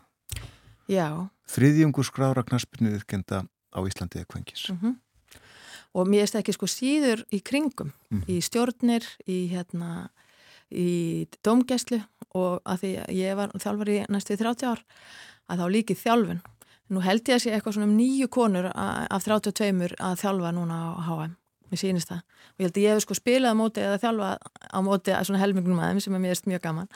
En, en hérna, en við erum bara í vandræði með þetta og ekki bara við. Ég hef rætt þetta við kollega mína bæði til dæmis í Núri og Svíþjóð og, og Portugal og svo veist bara, við erum í vandræði með kon, að fjölga konum sem þjálfurum í fókbalta. Veistu hvers vegna það er? Nei, ég veit ekki alveg ég, og ég, þetta er, ég er nú bara að fara að funda núna í haust með Svíþjóð og Noregi þar sem við erum að fara, fara að ræða þetta og finna út úr þessu og, og, og koma með einhver bara plön, ég og, og Klara Bjartmanns fangotastjóri KSI. Þannig að við ætlum að fara í svona sammeilegt verkefni og hérna og reyna að finna út úr þessu að því að þetta er ef við bara skoðum bara eftir deildir, deildirnir hérna á Íslandi að þá er bara fátum frína drætti því miður þegar kemur að konum í þjálfum þannig að, þannig að það er ekki bara að við viljum fá fleiri yðkendur sem við viljum sannlega en þá viljum við líka fá fleiri í kringum. Já, miklu minna sem sagt um það að, að uh, eftir ferinn fari konur í þjálfun heldur en gerist hjá köllunum. Já, það er bara það, já, það er bara þannig tölurnar við erum ekki með 30% sko eins og við erum með yðkendur þannig að hérna og bara líka eins og ég segi hérna í efstu, í efstu deildónum þú veist, hérna það er aðstofþjálfarar og við eigum fyllt af mjög flottu þjálfurum þannig að, en við þurfum fleiri þannig. Við eigum líka svona efnilega þjálfara finnst mér sem að við þurfum að lúa vel að. En við þurfum einhvern veginn að, að ég held við þurfum að þess að gera rannsókn og bara fara, fara svolítið að kafa í þetta af hverju, hvað er þetta Mm. og hérna og svo að fara í, í einhverja vinnu til þess að breyti sig að því að, að því að mér finnst þetta ekki þetta er ekki gott svona Nei. Tölum þá um uh, landsliði sem einmitt leikur gegn Finnlandi í kvöld og ja, það er kall sem þjálfa það. Já, já Þorsteinn en- Halldórsson. Þorsteinn Haldursson Margret Magnúsdóttir er aftur á móti með U19 í Belgíu að fara að byrja í hérna e, úslita ekki stórglæsilegur árangur að fara í úslitakefni hérna, eitt af þá sjö bestu liðum í Evrópu. Að því áttundaliðið er geskjafi það þarf ekki að spila sig inn á mótið. Þannig að hérna um, já já, en allavega það er, það er æfingarleikur í dag klukkan 6 við hérna Finnland. Er Finnland gott lið? Já, það eru það. Um, engi spurning og hérna og bara svona Norðurlöndin er almennt bara að standa sig vel í kvennafókbalta en aftur á móti þá eins og ég hef oft talað um að þá eru aðrar þjóðir að því að við vorum kannski svona með fórskott byrjuðum snemma en, en maður sér alveg við Portugal svo gott dæmi og Pólland að mörguleiti þar sem maður hafa lagt rosa áherslu kvennafókbaltan og Portugal er núna háum þannig að hérna, við þurfum að passa okkur, við meðum ekki sopna verðinum. Nei. Já, Ísland-Finnland í kvöld eða, eða setnipartin já, hefst klukkan átján og svo er uh, leikur í Östuríki þegar ekki í næstu viku? Jú, og svo hefst þjóðadeildin í haust Já, gríðarlega spennandi riðið. Það er verið að breyta fyrirkomuleginu hvernig megin. Já, Það er hægt núna einhvern veginn að draga allir spili við alla og þú getur dreigið á móti svona, þá er þetta dreigið eftir styrkleikum þannig að þú farið eitt lið úr neðsta styrkleikaflokki og eitt lið úr efsta og allt þetta. Nú búin að breyta þessu og setja þetta í þetta þjóðadelda fyrirkomulega sem þýðir að við erum sérst í A, við erum í efsta styrkleikaflokki sem að þýðir að við erum bara að spila á móti 16 bestu löndunum, getur bara að lenda á móti þeim. Þannig að leikir á móti liðum þar sem við svona vitum fyrirfram að við vinnum þeir eru úr sögunni, hvenna megin. er það gott eða slæmt? Já, mér finnst það gott. Hrifin af þessu? Já, ég er það, vegna þess að þetta, ég held að þetta hjálpa okkur að, að, að hérna, þetta er fyrsta lagi að fá við frábæra leiki, við erum að fá Vels, Danmörku, nei, jú, Vels, Danmörku og Þískaland hérna heim að spila, ég vona bara, hérna, fyrir utan að ég vona fólk fjölmenn í kvöldastiða við stelpnar að, að þá líka á þessa mjög svo spennandi leiki þannig að vera skemmtilega leikir fyrir liðið og fyrir þjálfarna þú þarf heldur betur að vera á tánum, bara til þess að halda okkur hérna í þessum efsta styrkleikaflokki og það eru allir leikir þú veist aldrei, einhvern veginn getur aldrei reikna neitt út fyrirfram þannig að ég held að, að þetta bara lift okkur á, á harrastall. Já. Við getum auðvitað ekki talað um konur og fótbolta aðeins að minnast á símamótið sem að hófst í Kópavíð í gær. Já. Og Það er haldið í 3009. sinn. Já, ég þjálfaði margóft á þessu frábæra móti Já. Já. og hérna, Er ekki bara allar í landsliðinu núna sem byrjuðu þarna? jú, jú, jú. Það, og þær voru heiðskestir Já. í gær Já. á, á setningunni Já.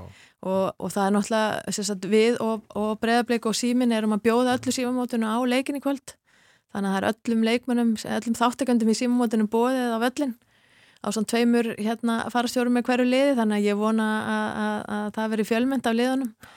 Svo veiti líka um bara svona hérna flokka, yngri flokka til dæmis utan á landi er að koma og allir ætla að koma á leikin um, þannig að ég vona, eins og ég segi þetta er vissilega æfingarleikur og, og ég veit að sumafrí og svona en ég held að hérna ég vona fólk fjölmenni og ég held að þetta verði skemmtilegt í kvöld. En þetta símamót er náttúrulega bara stór glæsilegt og mér erst mjög gaman að að að landsistelpuna skildu vera við setninguna. Og það eru bara glæsilegir fulltrúar KSI á þessari setningu en eins og þú segir, það er ég held að sé enginn þarna sem að hefur ekki spilað á símamóti og örgulega margar þeirra spilað mjög oft. Akkurat. þannig að það er, þetta er bara þetta er, þetta er hátíð, þetta er hátíð hvernafólkans hérna, hérna myndi ég nú segja Akkúrat. 39. sinns, það eru það Já. Já. Mér finnst þetta pínu svona því ég var nú hérna á, á, að þjálfa á svona með fyrstu mótum en maður bara, ok, ég er honum svona gömur allt í lagi Svona líður þetta. Tilöfnið þessar spjalls heimsmestramótið, já ekki síst allavega heimsmestramótið sem að hefst í næstu viku leikið í Ástralíu og Nýja Sjálandi, Ísland ekki með en eh, vanda, ef ekki að segja og verði hér eftir tæp fjögur ár og við þá að tala um uh, hvernig Íslandi muni ganga og ég bara, að öllu mínu hjarta þá vona ég það. Þakka að kellaði fyrir komin í dag. Takk fyrir mig.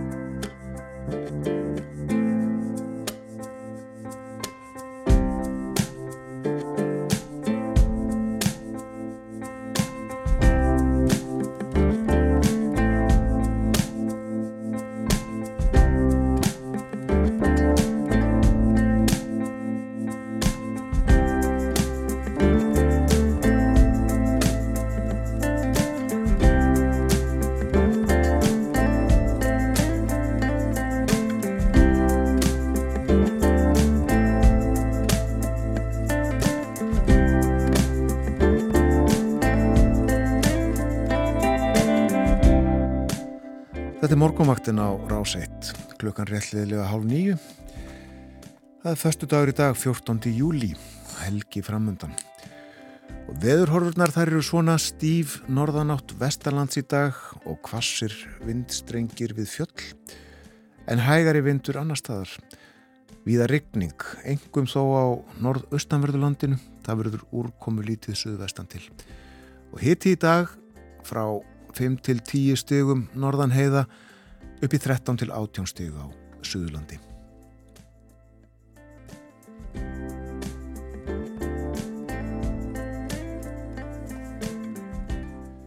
Hvað var nú gott og gaman að lesa þessa dagana. Við uh, spyrjum að því og uh, til þess að svara er hingað komin Guttormur Þorsteinsson. Hann er bókavörður á kringlusafni Borgabókasafsins. Góðan dag og velkomin til okkar. Takk. Já, við uh, fengum þá hugmynd að byggja þig um að benda okkur á eitthvað sniðut, eitthvað gott, gaglegt eða hvað nú er til þess að lesa hvort sem að fólk er í sumafríi, í sumabústað, tjaldið einhver staðar eða bara heima og þó þú sé vinnandi þá er hægt að lesa þegar heim er komið. Þannig að við hvaða aðstæður sem er og uh, þú brást vel við þessu og uh, hugsaðir og uh, skoðaðir og ert komið með svolítinn leslista hinga til okkar í dag. Jú, jú, jú, ég, ég svona tók aðeins saman svona mismöndi bækur sem ég dætt í huga getur verið gaman að mæla með eða, eða, eða hérna stingu upp á Þetta er náttúrulega það sem maður er alltaf spurður um í, í vinnunni, sko, hvað, hvað á ég að lesa, hvað kemur fullt af fólki og, og, og það er ágætt að hafa akkurat smá undirbúinstíma þegar ég hérna, streysti mér stund ekki alveg alltaf til þess að hérna, svona, alveg út í bláin hérna, mæla með einhverju. En uh, við erum alltaf með, sko, við erum svona stillum alltaf út á sömbrinu, þá setjum við út svona útstillingar með öllum helstu bókum sem, a, sem að okkur svona dettur í huga fólk geti haft kannski meiri áhuga á sömbrinu skáldsögurnar þá er það svona kannski svona aðeins svona léttari svona þú veist bækur til að taka með því á, hérna, á strandina eða í sögumbústæðinu eitthvað svona og, hérna kannski ekki uh, svona hérna til dæmis eitthvað svona Jenny Colgan eða eitthvað svona skemmtilega svona ástarsögur eða, eða eitthvað svo leiðis en það er líka bara ímislegt sko, það getur alveg verið hérna getur alveg verið svona uh, bókmentir sem er alveg hælt sko, uh, til dæmis hérna var einn sansaskona mín sem að hérna datt inn í uh, hérna hana Sally Rooney sem hefur verið svolítið svona nafn undarfarið sko fyrir hérna nokkrum sömurum sko bara kipt henni með sér á ströndina og, og hérna ég held að þetta væri bara svona einhver strandbók og svo reyndist hún vera bara, henni bara merkilega bókmentir Já. Þannig að getur, maður getur alveg lesið, lesið hérna eh, svona eh, heimsbókmyndir líka sko og svo sem á, á, á hérna uh, sagt, strandinni á strandinni, já svo erum við með sko, þú veist, garðbækur og svona bara ferðabækur um, um Ísland sko, ferðarfélagsbækur og ýmislegt uh, þannig að, að, að það er svona það sem að við svona, svona almennu flokkarnir sem við kannski draugum meira fram á sömurinn en þegar er svona kemur að því að mæla með kannski ákveðnum tillum þá svona fór ég aðeins og hugsaði sjálfur og, og, og spurði svona samstagsfólk mitt líka. Uh, það er það er einn bók sem að ég hef, mér langar alltaf til að lesa aftur úr sumrin uh, allavega þegar ég fer út á land. Það er hérna Hobbitin eftir tolkin, það er eitthvað svona, svona ferðasaga um eitthvað svona hérna, þú veist, eitthvað svona hálgerðar óbyggðir, ég hugsa alltaf um það þegar ég, þegar ég kem út í, hérna, út í sveitin á Íslandi. Ja, Hobbitin á vel við íslenska sumarið Já, já mjög, mjög veist það hérna, og ég lesi það nokkur sinnum. Mm. Uh, svo er hérna einu sem ég laði síðasta sumar sem var, var mjög viðegandi það heitir nú bara Sumarbókin eftir eftir Tófi Jansson sem skrifaði um mín alvana hún gerist á, á eigu í, í hérna, hérna sagt í þarna finskri eigu eins og, eins og hérna kemur fyrir í múmin alvonum sjálfum sko. Og það er svona samband ömmu og, og, og bats og það er bara svona þeirra svona heimsbyggilegu umræður og svona kannski lífið á, á eigunni á sumurinn sko. Þannig að hún er svona, svona getur verið mjög svona kósi en samt alveg svolítið svona vikt í henni og pælingar. Uh, og uh, svo er svona kannski aðeins meiri drungi yfir uh, hérna Hestvík eftir gerði Kristni en hún alltaf fjalla líka um svona ferði í sumabústað á þingvallum en, en, en það er svona, það er akkurat svona aðeins einhver skuggi sem kvílir, kvílir yfir öllu þar. Þannig að og, og akkurat svo við tökum nú svona kannski heimsbókmentir að þá eh, ég hef nokkið lesað hana sjálfur síðan í ennsku tíma en, en sannstafskonan mín nefndi að, að hérna hún hefði nýlega lesið hérna Þrúur reyðinar til Steinbeck og mm. hún hefði bara verið ykkur einhvern veginn svona humorískari heldur hún bjóst við. Já, þannig að hún er stutt. Akkurat En uh, svona meginlínan er svo að uh, fólk leitar í léttara lesefni að sumalagi heldur en á vettuna Já, ég held það. Ég held það sé svona, svona, þú veist, svona bækurnar með litríku kápunum og svona, þú veist, eru fjallagum svona eitthvað, kannski ekki alveg einhvern veginn heimsmálinn eða einhvern veginn. Þetta er bara nákvæmlega sama á viðum já, mat og klæðnað, drikki, mm við viljum hafa þetta svona allt léttara. Akkurat, aðeins, veist, að ekki, ekki eitthvað svona þykkar kássur meira svona eitthvað salat og svona kannski eitthvað grillið. Já, akkurat. Svo er líka, sko, svo reyndar eh, alveg núna til dæmis akkurat þegar við hugsaðum svona bókasafs árið, sko, þá er hérna núna tíminn til þess að ná sér í, sko, jólabækurnar. Frá því síðast? Já, af því að þær eru náttúrulega lenda allar á einhverjum löngum bygglistum, sko, um jólinn og, og hérna, og svo eru þær kannski svolítið úti lengur þó þessi ekki lengur verið að panta. Er núna getur þú gengið inn á safnið og rettað þér þú veist, kannski tól eftir Kristján Eiríks eða Eden eða Játningu Akkurat. en ekki reyndar lungu hún er enn uppönduð það er til hérna Gunnlaug þannig að hún alltaf vann bókmyndavelurinn og bara allir svo hrifnir af henni að það, það er því miður það er smá bylist eftir henni, kannski næstu jól Gaman að heyra það að, að þessi verlun hafi vakist líka aðtökli á þessari bóka Jú Það er beðið, beðið, beðið. Akkurant. Já. Svo er ég sjálfur, sko, ég, hérna, svona mínar bara afþreyingabókmyndir og hafa verið frá því að ég var í bara alltaf skóla og maður hafði aldrei kannski tíma til að lesa mjög mikið af skaldsögum nema svona á sumurinn, sko, það var hérna, það eru svona vístaskáldsögur og, og fantasíur. Þannig að ég uh, kláraði eina núna í fríinu og byrjaði á annari uh, það er hérna uh, svo fyrir er, er svona vísindaskaldsaga sem var enda kvikmyndu og gerða svolítið svona, svona listrætni mynd uh, hérna Under the Skin heitir hún. Fekk hann nefn og bæ og var svona fórutinn og konstaði að bókinu er sjálfsögð allt, allt öðruvísi heldur en myndin en, en á svona skemmtilegan hát Já, já. Talandum vísinda uh, skáldskap og skáldsögur er semlegt úrval af slikum bókum á borgarbókasafni? Já, svona þú tekur borgarbókasafni heilt yfir, sko, Já. þá getur þú rettaður svona flestum svona einhverjum stærri tillum og við kaupum svolítið inn af þessu, svona nýju. Uh, Nexus hjálpar okkur mikið hérna, fylgjast með þar, sko. Já, það eru sérfræðingar. Og, og hérna en þannig að já, en, en það getur verið að þú þurfur að fá það að senda á milli safna eða eitthvað svona, þú ætlar að heita einhverjum ákveðnum tilli reynum sem kannski halda seríónum svona saman, sko. En getur þú mælt með eh, fyrir fólk sem ekki hefur eh, treyst sér í svona verk þessa, þessa grein eða list bókmyndana áður en langar að byrja hvað er best að, að, að kynna sér fyrst? Ég mæli alltaf með hérna varandi fann fantasíur. Þá mæl ég með bók sem heitir Uprooted eftir Naomi Novik.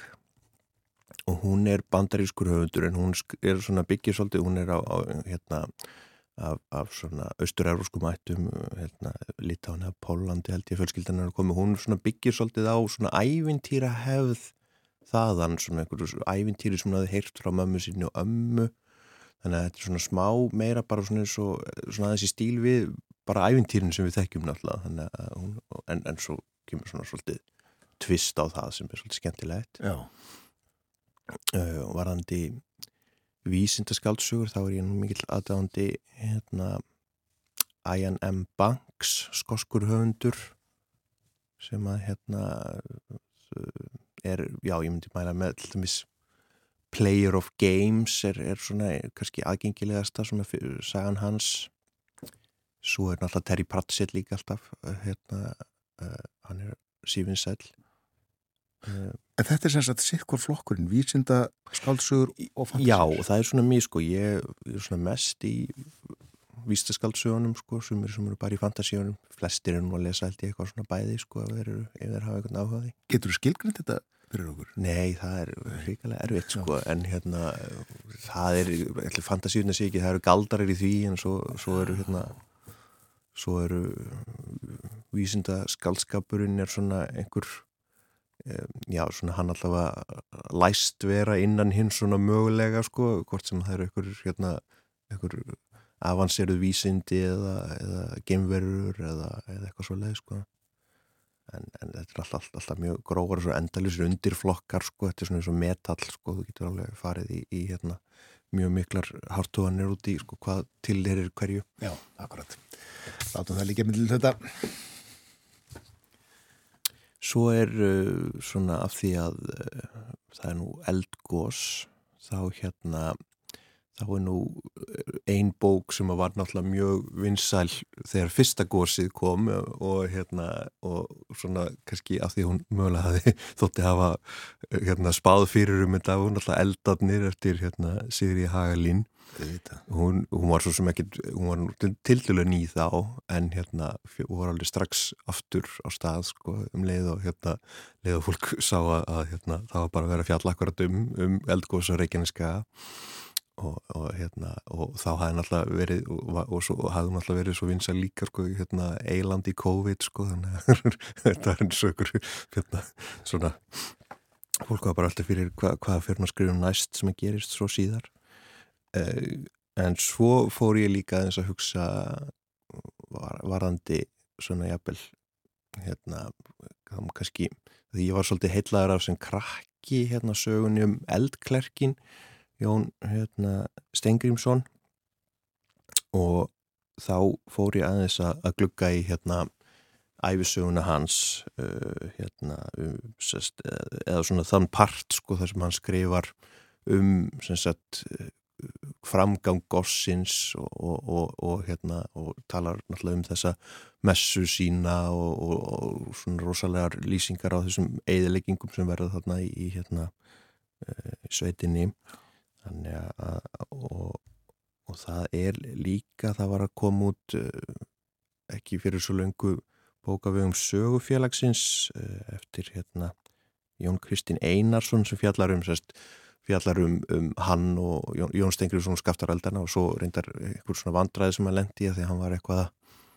deil út einhverjum, einhverjum, einhverjum söpnunafíð sem hafi verið þarna í Danmörku og, og þótt ekki gera það alveg rétt og það var, hann, hann notar það svona sem dæmi um eitthvað svona mismunandi hugsunargang hérna danskra og íslenskra ennbættismanna þetta hafi verið svolítið svona einhver, einhver skil þar að milli en ekki bara, ekki bara það að Jón Stengriðsson hafi eitthvað verið að klúður að þessu. Nei, nei. En fyrst erum að tala um gósið og, og já, eldgós almennt og, og Jón Steingrímsson og Sigriði Hagalin, er, er eitthvað sótt í fræðibækur um uh, jarfræði eða eldgós eða annars líkt? Jú, jú, það var svona kannski mest svona í fyrsta gósinu sko, mm. þá stiltu við út svona bókum akkurat bæði allskynsum um, sem er til um Vespanega gósið og, og svona hérna aðra trösta og eitthvað svona Já. það var aðeins aðeins, hérna, aðeins tekið að því sko, en kannski ekki alveg orðið var við að það sé núna sérstaklega mikið sótt í það sko, en, það er alltaf svona fólk að kíkja Það kannski kemur já. og já, þú myndist á Vestmanega gósið þetta var uh, hálfrar aldar gós afmæli í eigum daginn? Jú, akkurat, jú, það var hérna gósleiku við vorum akkurat með svona útstillingu þegar hérna þeir voru 50 ára frá því að byrjaði núna í, í hérna í vettur Já, akkurat. Hér hefur við týnt ímislega til. Já, það er og svo tekum við stundum eftir einhverjum svona allt í hennu koma upp einhverjar svona bækur sem að hérna verða allt í hennu voða vinsalar af einhvern veginn og við skiljum ekki alltaf út af hverju sko. Og hérna allir fara á leitað sama tillinum sko þá er það nú venjulega ykkur að kenna hérna útvarpinu. Þá er ykkur að tala um ykkur að bók hérna og, og, og greinilega heillar, heillar svo mikið fólk sko. Þannig að fóru allt í allir að spyrja um, um hún er hún eindar alltaf, alltaf mikið hérna sátt en þá, þá verið sérstaklega mikið spurt um hérna fátækt fólk eftir tryggva núna þannig að það gerir á fyrir einhver að vera að tala um hana hérna Já, það er svona nærtakasta skýringin Er það ekki viðbúið að, að fólk fari á uh, safnitíðin í kringlunni eða önnur útibú og önnur bókarsöfn á landinu í dag og, og byggðum Hobbitan eða, eða Sumabókina eða Hestvík eða Endilega. eitthvað af því sem að þú hefur nefnt hérna. Jú, Það er bara vonandi það er fínt að kíkja, taka þetta með í bústæðinu svona. Akkurat. Svo nú ekki ólíklegt að einhverjir taki fram eða, eða sæki sér bók eða bækur eftir Milan Kundera næstu dag. Já, við veit að við erum með útstillingu líka akkurat, náttúrulega hann alltaf verið búið að þýða eila allar bækurnar hans og, og, og um líka önsku og svona þannig Já. að það er, það er, það er hægt að fá sér fá sér, rifja hann upp svolítið núna Já. akkurat. Akkurat. Guttormur, er uh, sæmilega aðsóknað bókustöðunum á söminn? Það fer voða mikið eftir veðri. Það var mjög rólegt hérna í byrjunum vikunar en svo er bara uh, kipist við sko. Sérstaklega kannski á fastugum er, er, er oft svolítið líflegt sko þegar fólk er á leiðin út í Þegar hittast í lækkara þá fjölgar í safninu. Já, það er alveg, alveg öfugt við sundlu þarna, þessi tveir starfstaðir borgarinnar. Það er hérna, það það er svona öfug fylgni. Mætti færa starfsfólk kannski að milli með Já, það er hægt að gera þetta í Úlfarsárdal það sem eru hérna samastað Sambyggt, akkurat, akkurat. Gaman að fá þig í dag, Guttormur Þorsteinsson, uh, bókavörður á kringlusafni Borgabókasaps og uh, aldrei að vita nefn að við blötum þig afturringað eftir kannski tværra vikur eitthvað svo leiðis með nýja lista. Já, reyna að finna eitthvað, kannski Kæra þakkir. Takk fyrir Og við setjum uh, þessu næst lag á fónin. Hér eru spaðar.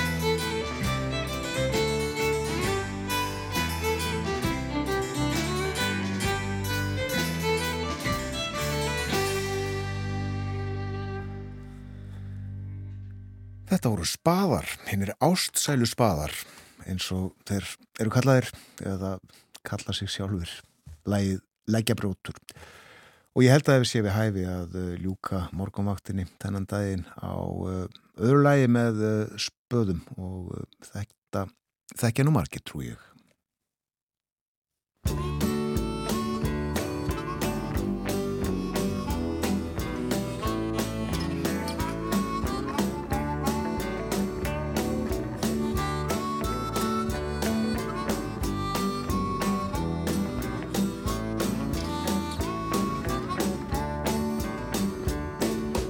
Ég